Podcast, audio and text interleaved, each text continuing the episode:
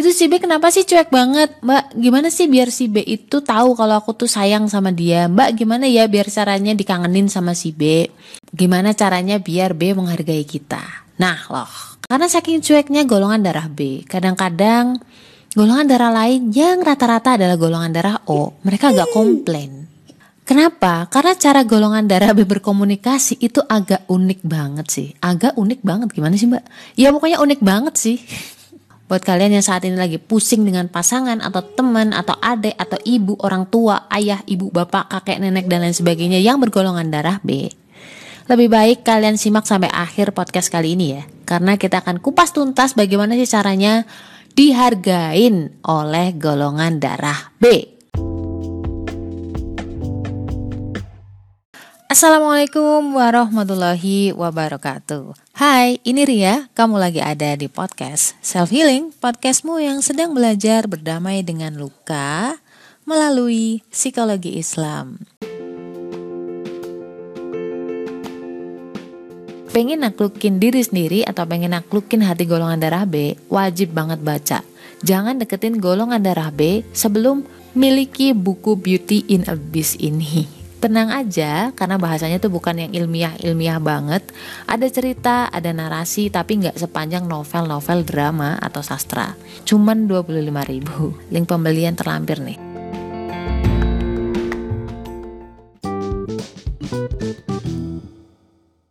Lagi-lagi bahwa ini semua tuh nggak ada yang absolut. Namanya psikologi men. Manusia nggak ada yang absolut 100% namanya juga manusia ya. Yang pertama lu harus tahu dulu bagaimana cara dia berkomunikasi. Golongan darah B itu nggak suka dicerewetin. Mereka bah pakai bahasanya bukan bahasa komunikasi verbal.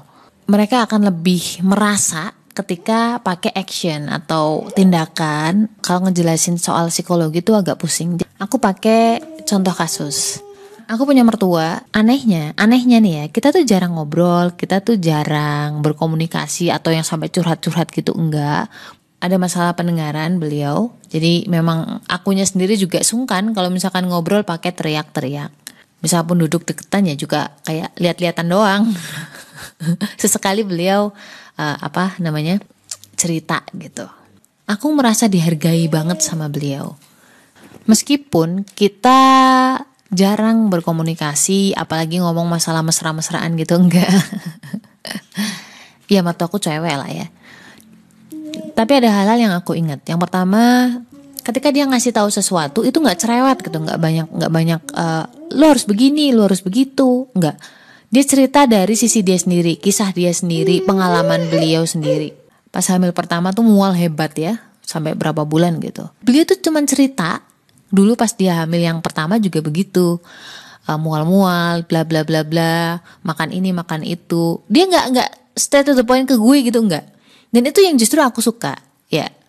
Jadi enak banget gitu. Ngasih tahu ngasih nasihat tanpa merasa diguruin. Itu enak banget sih menurutku ya. Dan buatku sih actually personally itu cocok. Karena rata-rata golongan golongan darah B pertama kalau nggak digamblangin juga nggak ngeh. Kalau misalnya digamblangin kadang-kadang ada yang ngerasa terintimidasi. Jadi paling enak yang ngomong sendiri gitu pengalaman sendiri. Itu terus pas mau pulang gitu ya beliau kasih aku fresh care untuk mengurangi mual. Jadi nggak pakai cangcing cung kebanyakan bacot gitu enggak beliau langsung ngasih ngasih apa yang dia punya yaitu fresh care simpanannya itu buat gue Aduh ya ampun, itu masih inget aja padahal itu tahun 2014, means itu 7 tahun yang lalu ya bentar ya.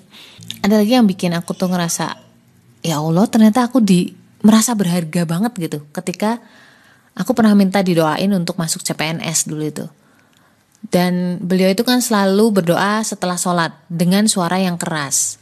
Pas kapan gitu sekian bulan setelah kejadian setelah aku minta didoain aku ke sana dan itu aku mendengar dengan telinga aku sendiri bagaimana beliau mendoakan aku. Nguping gitu ya bukan beliau tuh cari muka gitu nggak orang di kamar gitu kan. Cuman aku dengar. Beliau minta ya Allah semoga Mbak Ria bisa diterima jadi PNS kamu tahu nggak sih bahwa aku tuh sebenarnya udah nggak diterima udah nggak lolos gitu loh. Mungkin beliau nggak tahu. Tapi bagaimana beliau itu mendoakan aku setelah sekian bulan itu masih tetap didoain itu antara ya Allah aku sebegitu berharganya ya buat beliau gitu Ingat ya, kita itu jarang ngobrol loh, serius. Tapi aku ngerasa dihargain, aku ngerasa berharga buat beliau itu. Yaitu, kalau misalkan ditarik kesimpulannya, yang pertama adalah Gak usah kebanyakan cincong kalau sama golongan darah B. Langsung kasih aksi aja. Kalau misalkan mau ngasih tahu, itu gak usah sok-sok ngasih tahu lu harus gini, lu harus gitu. Enggak. Cukup kamu cerita kisah lo gitu ya. Kamu melakukan ini, melakukan itu.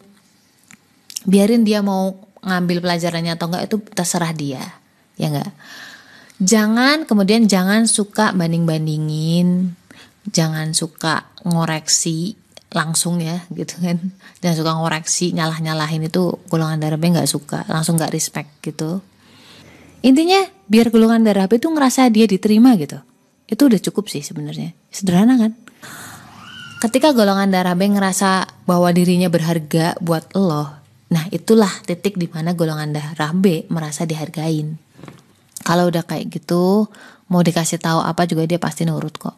Jangan lupa doain mereka konsisten. Karena apa? Yang maha membolak-balikan hati bukan kita, bukan omongan gombalan-gombalan kita, bukan hadiah-hadiah kita, tapi Allah yang bakal membalikan hati mereka. Kau bisa beli hadiah yang banyak tetapi lo gak bisa membeli kasih sayang orang. Apa pun masalahnya, ingat jangan dipikul sendiri, berat. La haula wala quwata illa billah. Assalamualaikum. Eh kurang. Stay love and assalamualaikum warahmatullahi wabarakatuh.